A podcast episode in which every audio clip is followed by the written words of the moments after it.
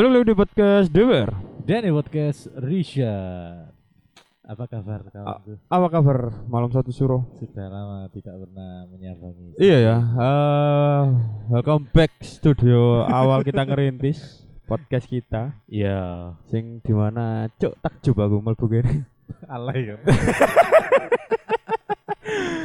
Yang pertama resik, yang kedua impian kita terwujud ya. ya Iya, meskipun iya. aku gak melok menikmati, gak melok ngeloni awakmu ya.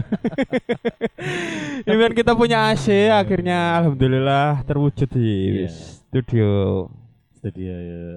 awal dulu ya. Iya awal dulu. Tapi kayaknya kan wis lama banget ya Kak Rini ya. Betul. Sampai kan begitu heran. Heran iya. Takjub ora rasen tak uripe asine teklik ngene kipas tak mati. ya alhamdulillah ya akhirnya Ya. keturutan satu persatu. Ya dal titik lah Isa langsung sing Betul. brek langsung tadi langsung. Yes, apa. paling enggak kan iki titik-titik kan teko Bandung aku pisan. Nah iya rek Aku dewe ya alhamdulillah sih sadar Oh iki gara-gara pendungane Dani bisa Gara-gara pendungane pendengar-pendengar iki Sambatan ini kan apa sih Sumu Sumuk betul. Terus berisik kan ya anak Iya. kipas.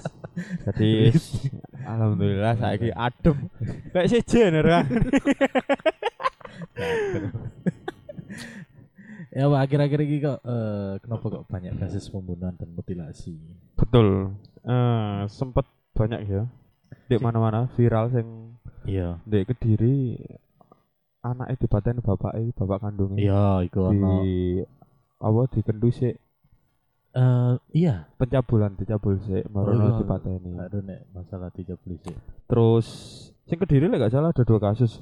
Heeh. Sing wer- sing sijine iku bapake bunuh diri Gara-gara perkara anaknya mau nikah. Kayak tuntutan segala macam lah. Sik ta. Oh, sing utang iku Betul. sing nang Kalimantan, kerja nang Kalimantan ya gak sih? Terus balik. Iya, Ternyata sih pokoknya akeh utang tapi anaknya anaknya kate rabi. mewah. Betul. Iya iya iya iya. Harus. Sing terakhir sing iku lho, mahasiswa Jogja iku. Sing dimutilasi nang koper. Dimutilasi, Iya. Ternyata iku kaum-kaum ngono. Kamu apa? Apa LG?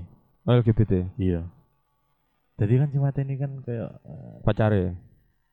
Ya bisa dianggap pacar lanang gitu ya. Pasti Oh. ya, iku mungkin anak kecemburuan iku. Sing sopo? Suara? Oh suara gue, iya iya iya. Ya iku eh akhirnya kita eh Ngan ku didik. Apa? eh, milih jajal trade ke saya lah Iya, karena sudah lama juga. kita nggak menyambangi Twitter ya. Ah, akhirnya kita Sebenarnya sempet kapan hari kita pengen threadcast lagi, cuma kan lagi belum nemu topik-topik yang pas buat Benar. dibahas. Akhirnya aku wingi ngomong terus oh iya masuk akal. eh, Iki lagi banyak kasus-kasus pembunuhan. Sing sekiranya iki mungkin yang kita bahas kali ini adalah ngulik ya sebenarnya, ngulik sebuah peristiwa ya. Jadi eh iki akun Twitter ya. Iya, Akun Twitter salah satu anggota kepolisian betul. di Jawa Timur Di Jawa Timur. dan eh wong iki ke ibaratnya apa ya detektif. Bu mungkin nek nek di kepolisian ono dewi bagian ngono. Iya. Jadi eh, wong iki sing menganalisa kasus-kasus entah iku pembunuhan, curhat mor, tapi Betul. digawe ambek wong iku ndek thread. Thread. Dan betul. iku rame banget. ngeri ya. Hebat ya. Eh, Ya ngene lho butuh-butuh polisi ki. instansi sing ya kayak polisi, Eh, tentara eh. ngono wis butuh-butuh hal-hal sing edukasi sebenarnya. Edukasi bener. Jadi kita sebagai masyarakat umum itu ternyata oh ternyata ini cara kerja ngerti loh. Iya iya. Meskipun hanya lewat Twitter tanpa wongin duduran langsung utawa cerita langsung, tapi lewat Twitter gue wis masuk akal lah, lewat sosmed. Eh kalau kalian pengen eh, tahu sing lebih dalam thread-thread buat teman-teman, eh, kita ini bakal ngebacain threadnya dari Ed Prabu, Prabu underscore, underscore Abimanyu. Abimanyu. Abi, Pak Abimanyu ya. Pak Abimanyu. Dan ini orang ini sudah banyak apa ya menyelesaikan kasus-kasus dan dijadikan thread. Oke, bener. Sing menurutmu Mang, emang DE iki divisine ana sih ndek bione. Iya, heeh. Eh, pemadam kejahatan currently serve, serving as head of Sidoarjo Criminal Iya, iya. Investigation Division. Nah, itu loh. Berarti ya Investigasi lah. investigasi lah. Eh. Nah, kepala ya Cuk, ternyata. Iya, Head of. Sidoarjo. Aku ngerti ini gara-gara pernah ono kasus sing dek cedek kene iki waduk iki Oh ya. waduk Kalimati kan iku rame-rame nih ono wong sing tenggelam di kono Oke. dan aku mojo lho iki kan waduk ide omaku oh ternyata wong iki tak delok wah seru ternyata mojo-mojo eh, cara mengatasi utawa golek-golek Mhm. eh, kasus iki cikne ke arah lebih terang iku ya apa Betul. dan kali ini kita wis menentukan judul ya sing bakal kita baca Bakal. oh. Kali ini eh, langsung ya sesuai topik yang Eh. kita bahas awal tadi. Mm. Lagi banyaknya Pembunuhan. pembunuhan, kasus-kasus pembunuhan.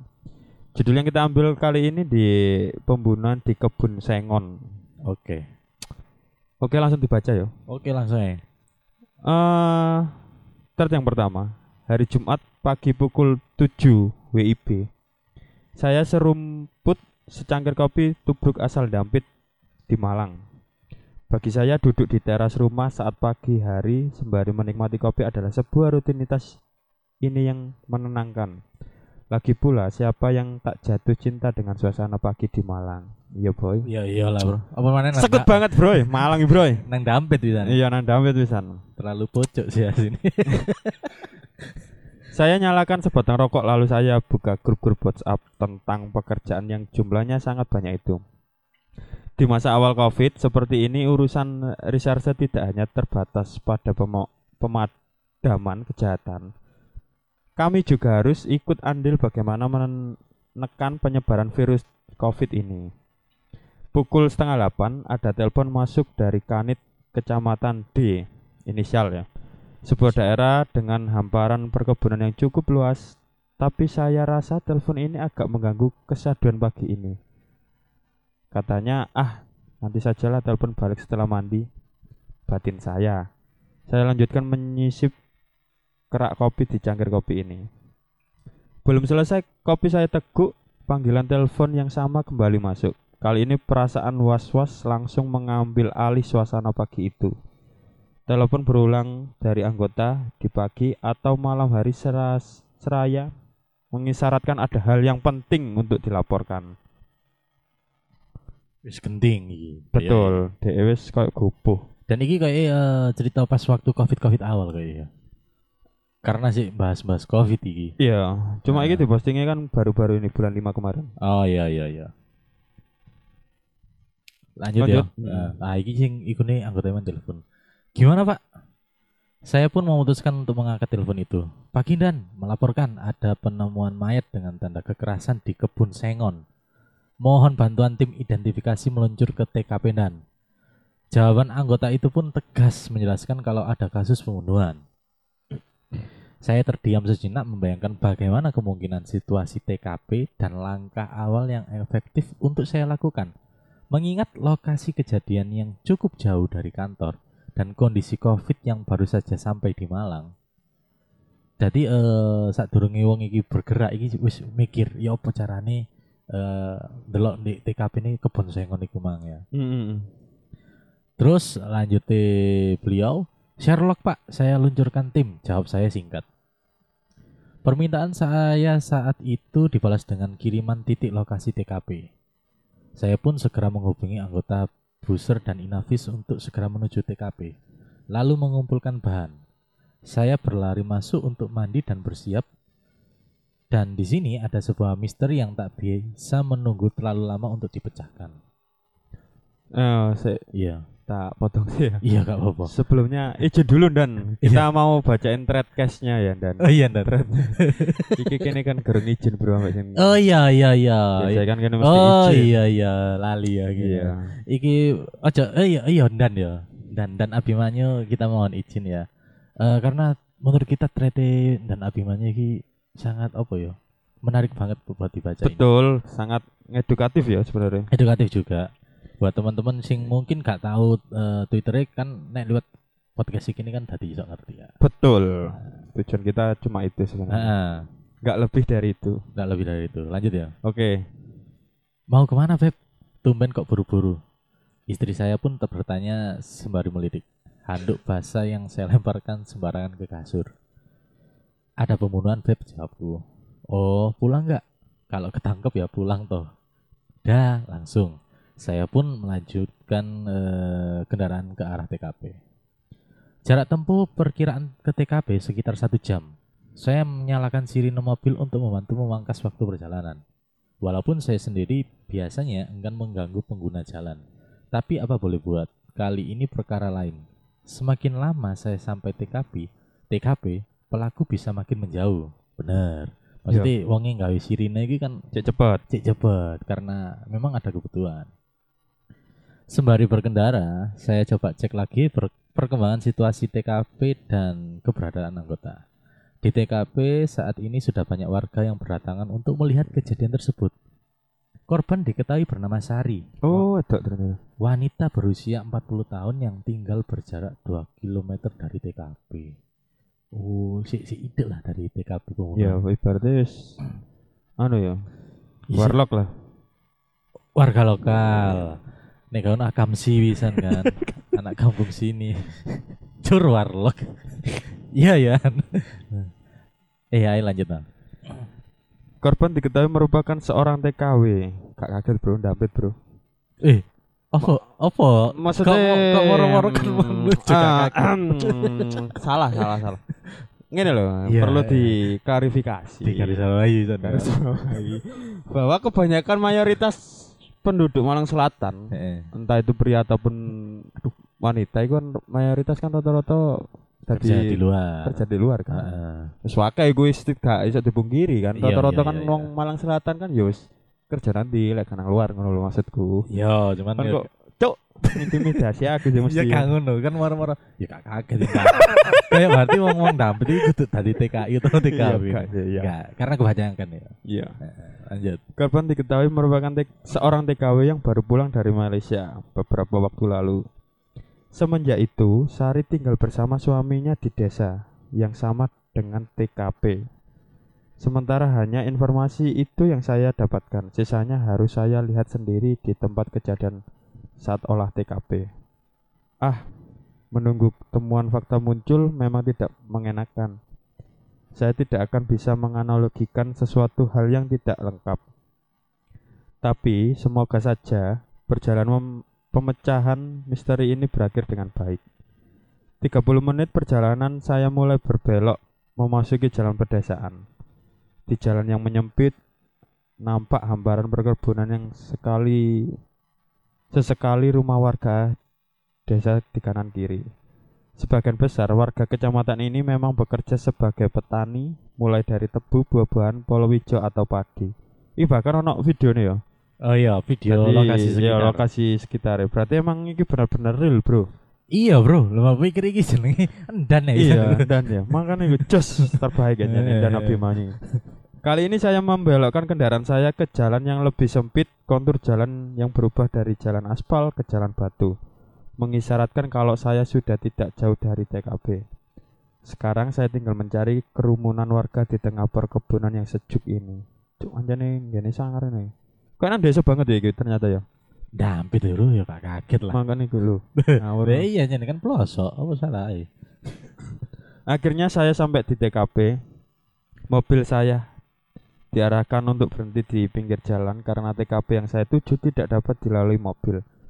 Saya pun segera turun dan menyusuri jalan berbatu yang hanya cukup dilalui oleh sepeda motor itu. Setelah 30 meter berjalan nampak garis polis line. Oh, sono. Polis line nih bro ternyata. Iya. Polis line sudah terpasang di antara pohon sengon yang tertanam berjarak. Ini gambarnya nih oleh TKP nih. Iya, ono gambar juga kan. Iya, foto-foto juga. Foto-fotonya juga. Oke. Ternyata ya kebon nyel ya, mesti ya. Ya, Kayak lho, kayak ini didelok dengan foto nih kayak aduh ambek oma. betul. Jauh dari pemukiman Jauh ya. dari pemukiman sing satu iki, Mang. Lanjut ya. Hmm. Reskrim kumpul. Saya memberikan instruksi kepada anggota untuk berkumpul. Setidaknya gambaran awal saya harus dapatkan sebelum bertindak. Lima menit berlalu, hanya terlihat satu anggota buser yang mendatangi saya. Sisanya hanya anggota berseragam yang melakukan pengamanan TKP awal. Yang lain ke mana ini? Kalimat tanya bernada tinggi saya lontarkan kepada Benny. Satu-satunya anggota yang ada di depan saya. Siap perjalanan dan laminasi. Pak Beni kan jago laminasi soalnya. Bro lho, bro aja kayak gitu. Masuk polisi kerja udah masuk nyambi. Bagian laminasi. polisi bro gitu. Iya, Pak Beni kan. Iya ya, kak si Cita lah, ini Benny dan kak bagian laminasi tok lah. Agak Benny Benny lihat. Iya, iya. Siap perjalanan dan Benny pun menjawab dengan nada bingung sambil menoleh ke kanan dan ke kiri, seraya mencari keberadaan rekannya yang lain.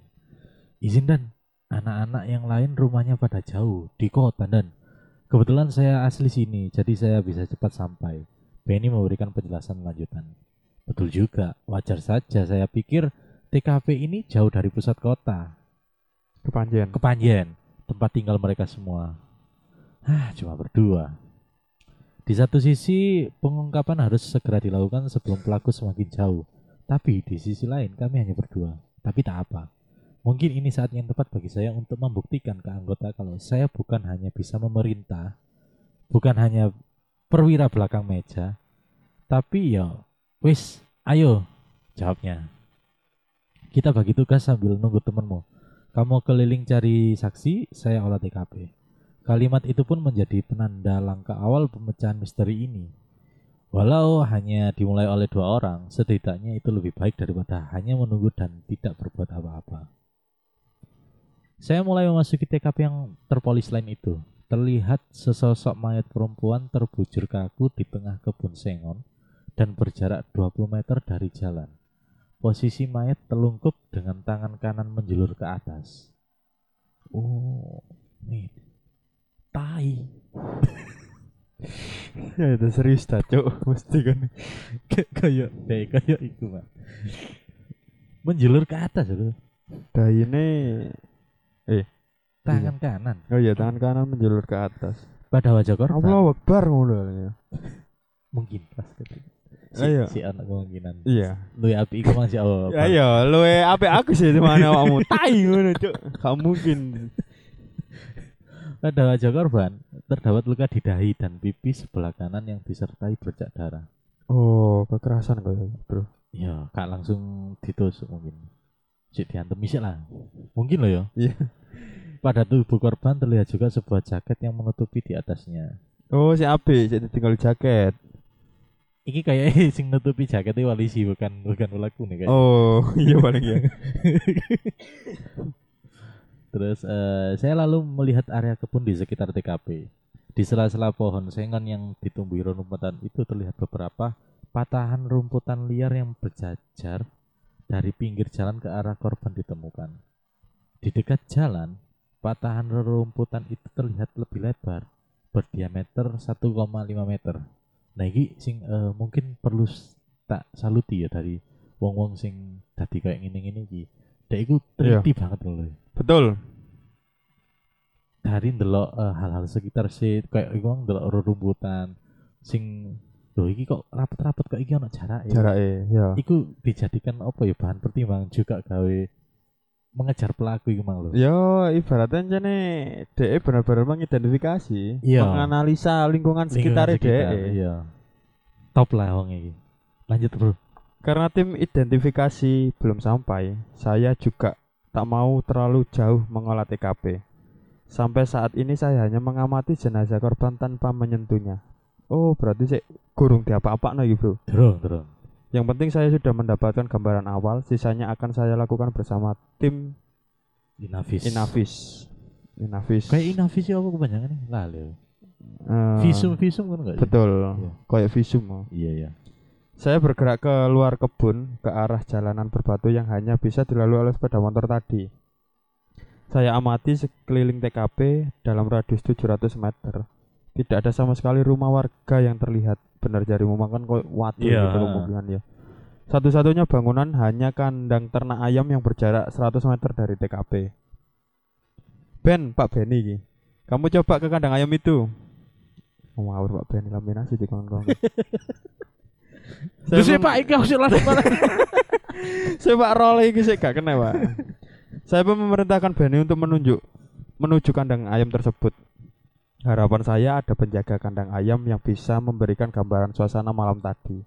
atau syukur-syukur dia tahu kejadian yang menimpa korban. Bener. Ibaratnya DE iku menganalisa dari Yang terdekat. yang terdekat. Nah, Ya BE jagani nang kandang emang kan be ono sing nunggu, iya bener. BE pitik ya ro kan iku mang Jelas dipateni. ero cuman kayak mungkin iso ngomong dulu. Yo celokno dokter hewan. Glambiar iki. Celok dokter hewan dikon iku tete. 30 menit berselang, tim Inavis akhirnya datang bersama beberapa anggota buser. Ya, langsung saja tiga orang ke arah jalan desa, dua orang susul Benny ke kandang dan Inavis ikut saya olah TKP. Go. Saya pun membagi tugas kepada anggota untuk mencari saksi mata dan olah TKP. Saya kembali memasuki area polis lain bersama tim Inavis. Kali ini pemeriksaan terhadap kondisi korban akan dilakukan lebih mendalam. Tim mulai melakukan dokumentasi olah TKP dan posisi awal korban. Setelah itu, tim mulai memeriksa badan korban. Wes, Di sekitar wajah korban, bagian depan terlihat bekas kekerasan akibat benda tumpul. Seakan-akan tergambar ada proses perkelahian sebelum akhirnya korban meninggal. HP korban ditemukan di dalam saku, namun pada tubuh korban tidak ditemukan perhiasan yang menggantung. 30 menit olah TKP, tidak ada tambahan temuan yang berarti dari tim Inavis. Saya pun memutuskan untuk membawa jenazah korban ke RSSA Malang untuk dilakukan otopsi. oke. Bagaimana bagaimanapun otopsi bisa menjelaskan hal yang mungkin tak terlihat jika kita hanya mengandalkan mata. Benar, kadang iki salah satu sing gawe golek Golek iya. golek apa? Apa ya? Sumber ya? sumber apa ya yo lewat otopsi. gitu. Iya. Selesai olah TKP, Benny dan tim datang untuk melaporkan hasil penyelidikannya. Di kandang itu mereka bertemu dengan seorang penjaga yang kebetulan menginap di sana. Darinya kami memperoleh informasi kalau sekitar tengah malam dirinya mendengar suara orang dari arah TKP. Di Oh. kandang iki mang ternyata ana uang sing nginep, Jaga. Heeh, sing jaga. Ternyata AC-nya dingin banget ya. Drill AC berarti gitu, Bro. Aku ngerasa adem ternyata. enggak nih, ya. Gampang ya sekali. Top. Ika tuh.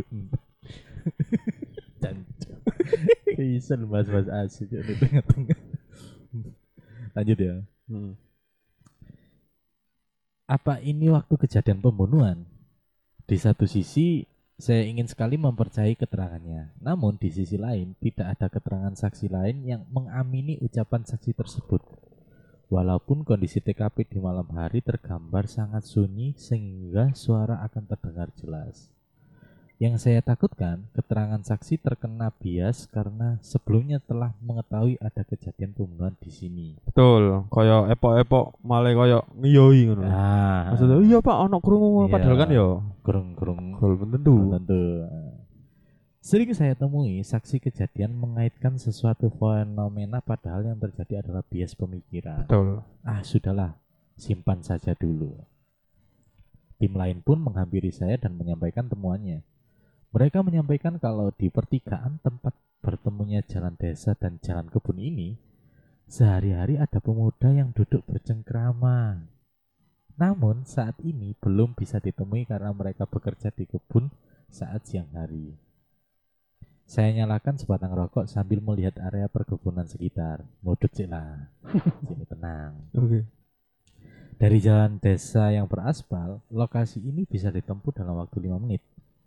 Situasi sekeliling sangat sepi tanpa penerangan dan tanpa rumah warga. Sangat cocok untuk menjadi lokasi pembegalan. Betul. Delok video emang ya kaya wis Cocok lah nek kayak iya ya. Iya. Berarti wis kaya nggene begal kaya Eh, eh, eh. Tapi yang mana iki? Muncul di benak saya kalau korban berboncengan dengan pelaku dan Iya. dibelokkan ke arah sepi ini. Korban yang akan dirampok memberikan perlawanan sehingga pelaku membunuh korban. Motor dan perhiasan korban diambil, lalu korban ditinggalkan di area perkebunan. Begal? Pertanyaan nih dalam hati, hati nih iya. Pak Abimanyu gimana? Eh tapi Oh iya. Eh tapi siapa yang sudah memastikan korban membawa motor dan memakai perhiasan? Jawabannya keluarga sudah ada kontrak.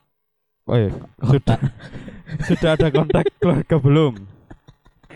kontrak kerja nang mana Serius bro, serius. Saya bertanya kepada anggota karena sampai sekarang kami belum mendapatkan keterangan dari keluarga korban. Jawabannya ya anak ya baik. Sampun dan suaminya jalan ke sini. Tadi waktu dihubungi sama Pamong, dia sedang memanen buah langsep di kecamatan Turen. Tumpang sih rasa gue Iya walang ya. tumpang Kadoan. turen ya iya Turen, turen bos. turen Dapat. turen turen iya Berarti sekarang saya tinggal menunggu si suami datang untuk mendapatkan pelengkap gambaran. Semoga keterangan dari suami korban bisa membantu kami. Ah, ono apa iki? Ketika sedang menunggu sambil berdiskusi, tiba-tiba terdengar teriakan dari belakang kerumunan warga. Terlihat sesosok laki-laki parubaya menerobos kerumunan dan bergegas masuk ke TKP. Anggota yang menjaga, menjaga TKP menghadang pria tersebut dan menanyainya. Bapak suaminya Bu Sari? Tanya ke pria itu. Bukan pak, saya saudaranya. Sari kenapa pak? Sopo sing mateni Sari? Pria ini berteriak namun sambil meneteskan air matanya. Ah, kesedihan orang yang sedang kehilangan memang sudah meluluhkan hati saya. selalu meluluhkan Sa iya selalu meluluhkan hati saya. Cuk, koyo Ya apa ya yang ini iya bro kayak masih ke keluar Ya apa ya. Ah, Belum. kebayang ada polisi marono anak keluarga sing koyo ngono, Bro.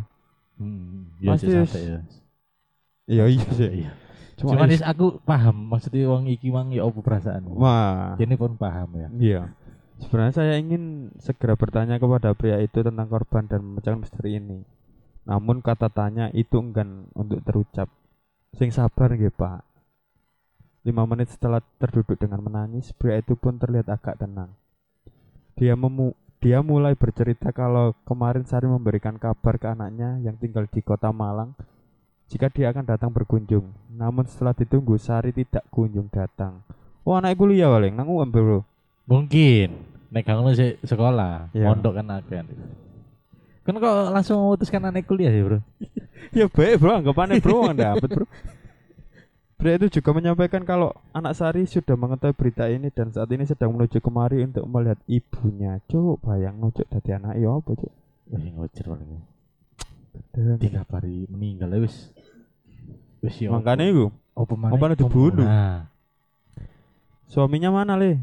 Tanya saya ke anggota karena kami sudah berada satu jam setengah di TKP. Namun suami korban belum juga sampai.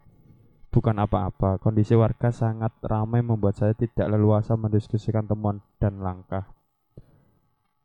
Sudah, nanti kalau suami saya, sama eh suami sama anaknya datang, arahkan ke polsek saja. Saya putuskan untuk menggeser tim ke polsek Dampit. Lagi pula waktu sudah menunjukkan pukul 11. Sebentar lagi waktunya sholat Jumat. Saat kami sedang dalam perjalanan menuju polsek, ada telepon masuk dari salah satu anggota. Dan saya sama suami korban ini, saya arahkan ke mana? Posisi bro, di rumah korban dan jawab anggota membuat saya berpikir sejenak. Hah? Bojone ning omah? Buat ini Ikmang, Iya, iya. Kayak wis gak masuk akal ya. padahal mang jadi ini kerja nang Kerja nang kecamatan Temang ya Iya, nang langsep, nang kebon langsep. iya heeh. kok di rumah Kok nang? Heeh. Nampak janggal di pikiran saya ya. Seorang suami sempat pulang ke rumah dahulu ketika mendengar istrinya menjadi korban pembunuhan. Benar. Sherlock bro. Saya pun meminta titik lokasi rumah korban membelok arah tujuan perjalanan. Lima menit kemudian saya sampai di rumah korban terletak tak jauh dari jalan desa berjarak sekitar lima rumah dari sungai yang berada di ujung gang. Nampak di sana dua orang anggota saya sedang berdiri di teras bersama dengan Rudi suami dari korban. Kita koni bojone iki. Pak Rudi ke mana saja? Sudah tahu kalau istrinya meninggal? Tanya saya kepada Rudi. Nggih Pak, sampun. Tadi saya dikabari Pak Kades waktu saya sedang panen langsep di Kecamatan Turen. Lah kok nggak langsung ke TKP? Jadi tadi saya pasrah dulu kerjaan ke orang Pak. Baru habis itu pulang ganti baju dan naruh peralatan. Ini mau berangkat ke sana. Cuk, Cek kober-kober e konco, gak panik belas ya bangsat. Iya. Iya. Kita tenang berarti ya. Sih pasti Iya, sik biasa Gak ae, gopo. gak Iya, gopo. iya, iya. Cuma yo iki si si iku si gorong si gorong iku cuman iso dadi. tadi betul. Bisa jadi. Bisa jadi. Jawaban Rudi itu memang belum memuaskan penasaran saya, tapi saya rasa ini bukan tempat yang tepat untuk bertanya. Ya udah Pak Rudi, monggo ikut ke Polsek ya. Ada beberapa hal yang mau saya tanyakan. Jenazah Sari sekarang dibawa ke Malang untuk diotopsi. Bapak ikut kami dulu ya. Kalimat itu mena- menjadi penanda perjalanan kami menuju Polsek. Ada sedikit keraguan terhadap Rudi, namun sekali lagi itu masih asumsi. Ah, ya asumsi ya. Betul. Saya juga tidak boleh menja- menjalankan penyelidikan pada prasangka. Bagaimanapun saya harus mendengar cerita Rudi tentang segala yang diketahuinya. Hmm.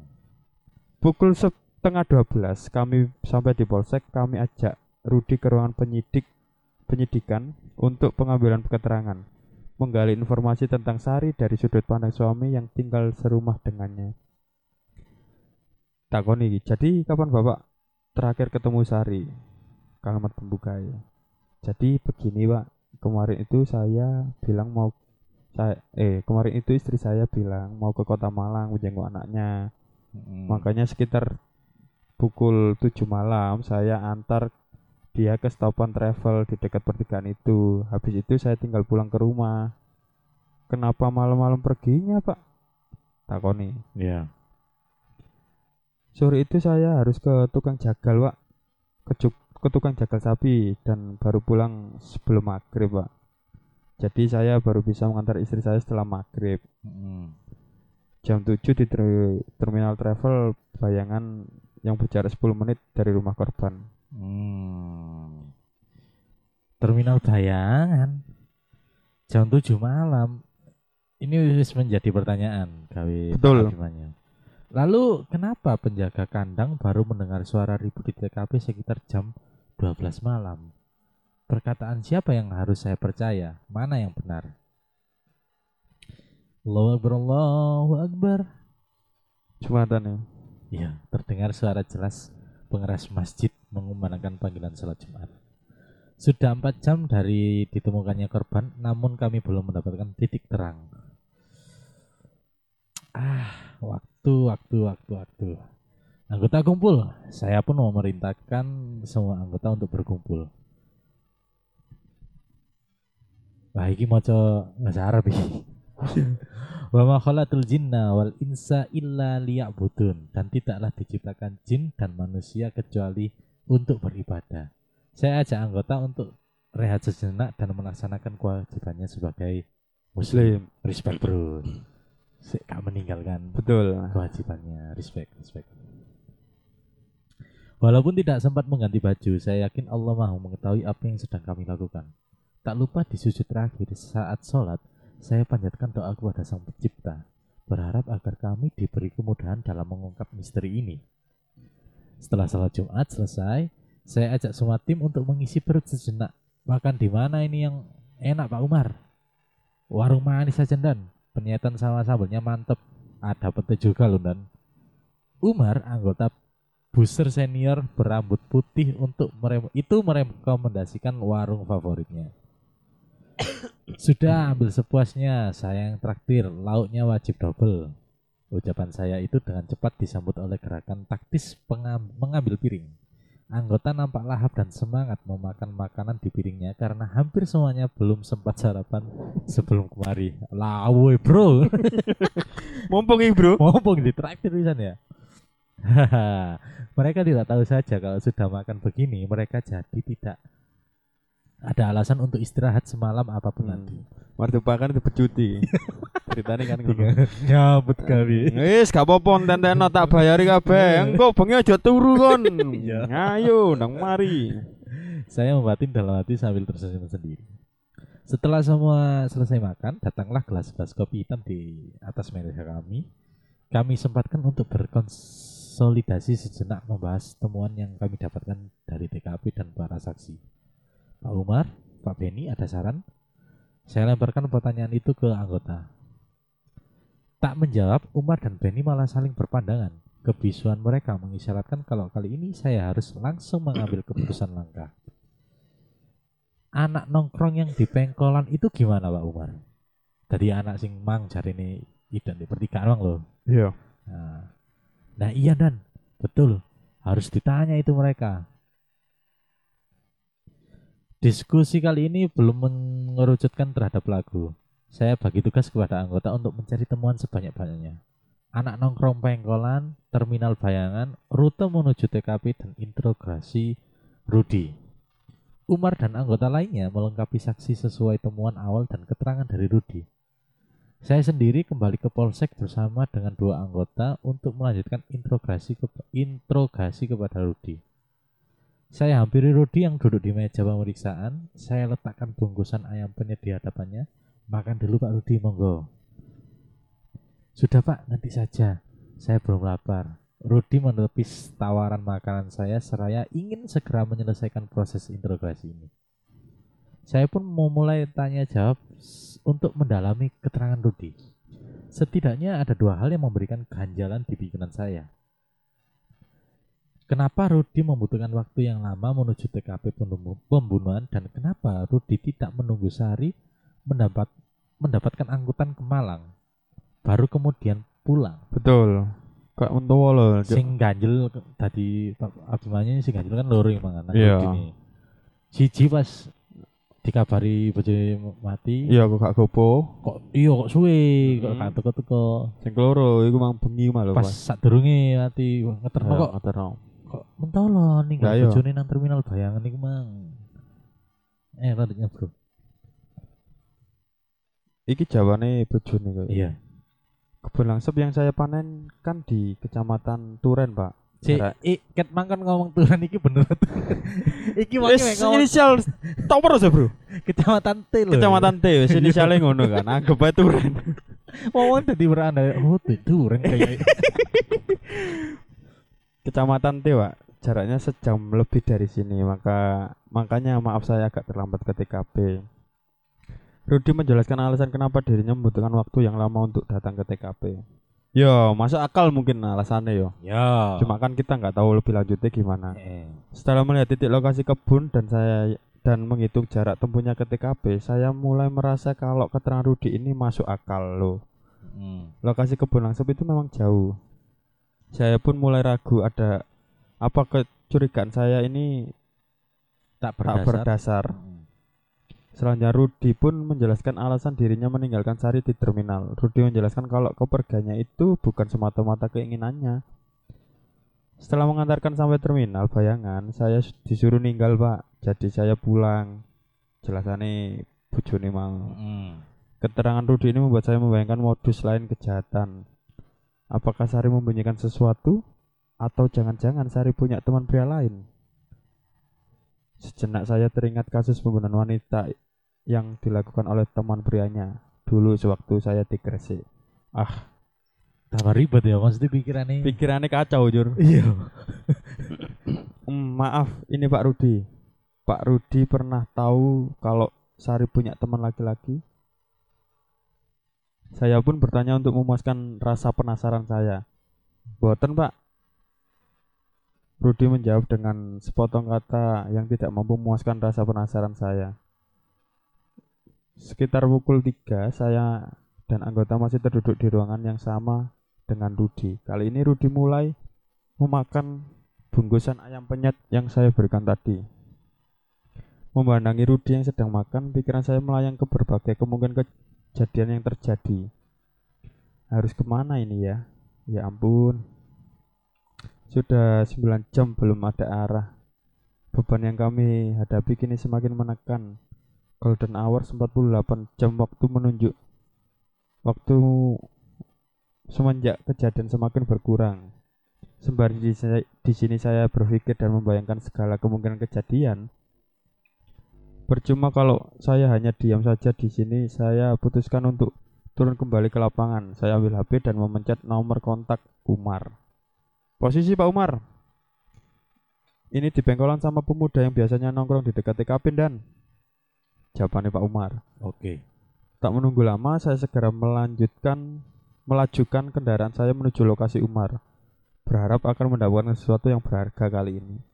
Setelah 15 15 menit berkendara, saya sampai juga di tempat Umar.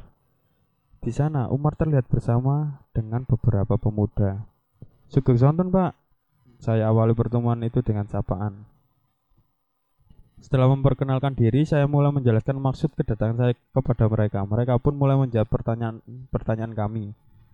Memang benar, hampir setiap mereka duduk bercengkrama di pertigaan gang menuju TKP penemuan mayat itu. Tak terkecuali pada malam kejadian mereka semua sedang berada di sana mulai dari sehabis maghrib. Nah, iya. Berarti sih game berarti cangkrukane arek-arek. Cangkrukane Berarti. arek-arek. Biasa. Nah, Menurut mereka, setiap ada orang yang lewat, pasti mereka akan tahu karena gang itu hanya eh karena gang itu tidak banyak dilewati. dilewati orang. Tapi dari maghrib sekitar pukul setengah sebelas, Sampai oh iya sampai sekitar pukul setengah sebelas malam, mereka di sana mereka tidak melihat ada orang lewat.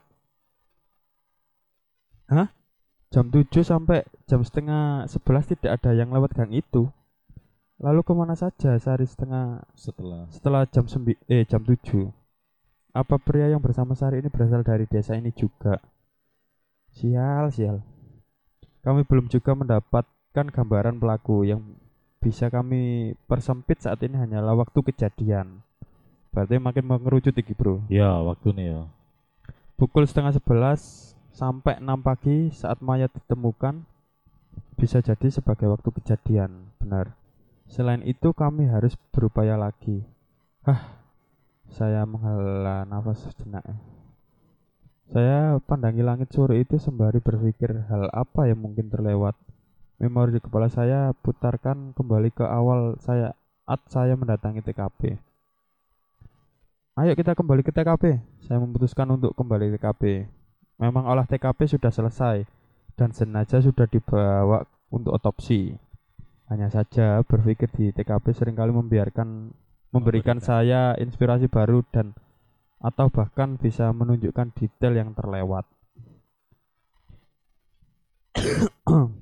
Sesampainya di TKP, saya kembali berdiri di lokasi mayat ditemukan. Saya lihat lagi sekeliling dengan lebih seksama. Jejak rumput dari ujung jalan ke TKP, alur garis lurus. Di ujung jejak rumput agak luas, berkelahi, perlawanan. Jadi iki wis bayang no wong iki. Pak Abimanyu iki, Mang. Korban melawan. Tiba-tiba terlintas sesuatu di kepala saya. Saya segera mengambil HP dan menelepon anggota yang ada di polsek untuk sekedar memastikan asumsi.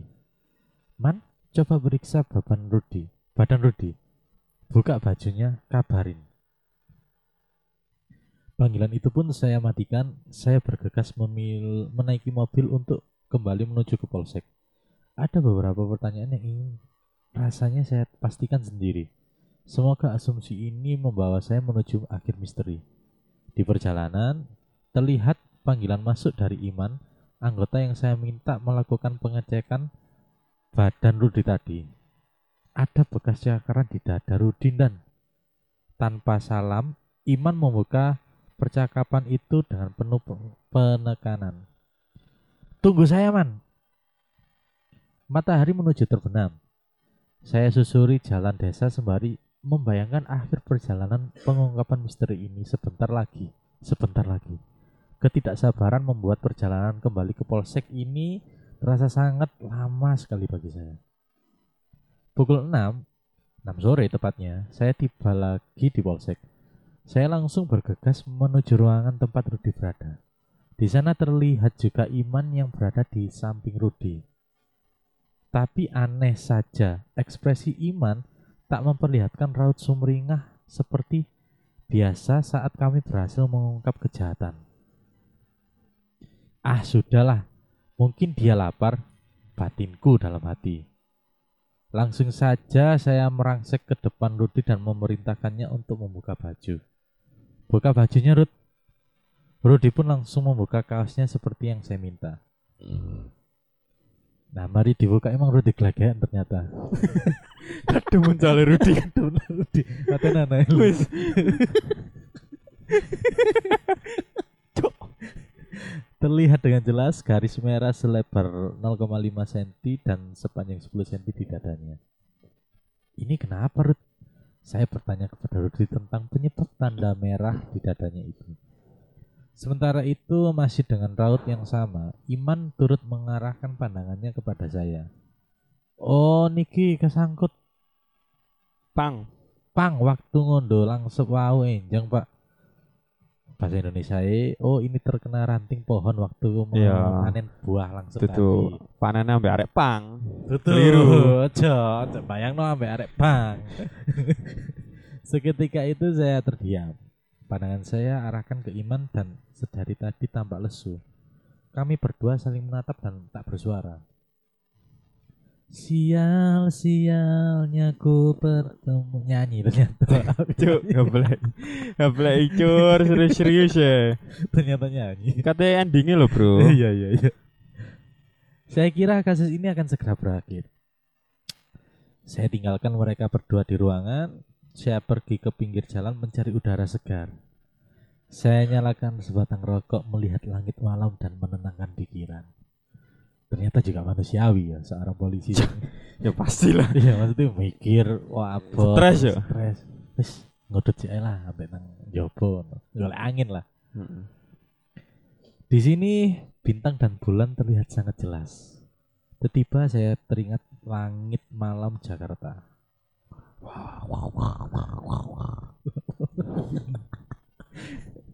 Di sana gemerlap lampu nyata-nyata menghamburkan indahnya langit malam, Mengaburkan. mengaburkan indahnya langit malam. Tapi di sini di selatan Jawa yang tak ada gedung menjulang, langit malam benar-benar menampakkan keanggunannya. Malam ini saya semakin yakin kalau Tuhan telah menciptakan dunia yang indah untuk kita.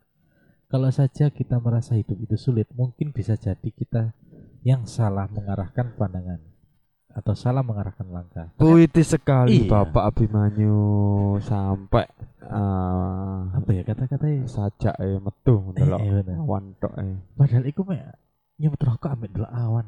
Langsung puitis ya. Ngeriannya. Eh, Masih terduduk di pinggir jalan, tiba-tiba pandangan saya disuguhkan oleh sepasang ibu dan anak berjalan bergandengan. Mangkane tojo males motong kuku.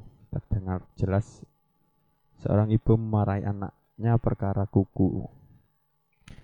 Memori saya tiba-tiba teringat alhar- almarhum ibu yang kerap marah ketika kuku saya panjang. aku rekan-rekan Jawa. Oh. Al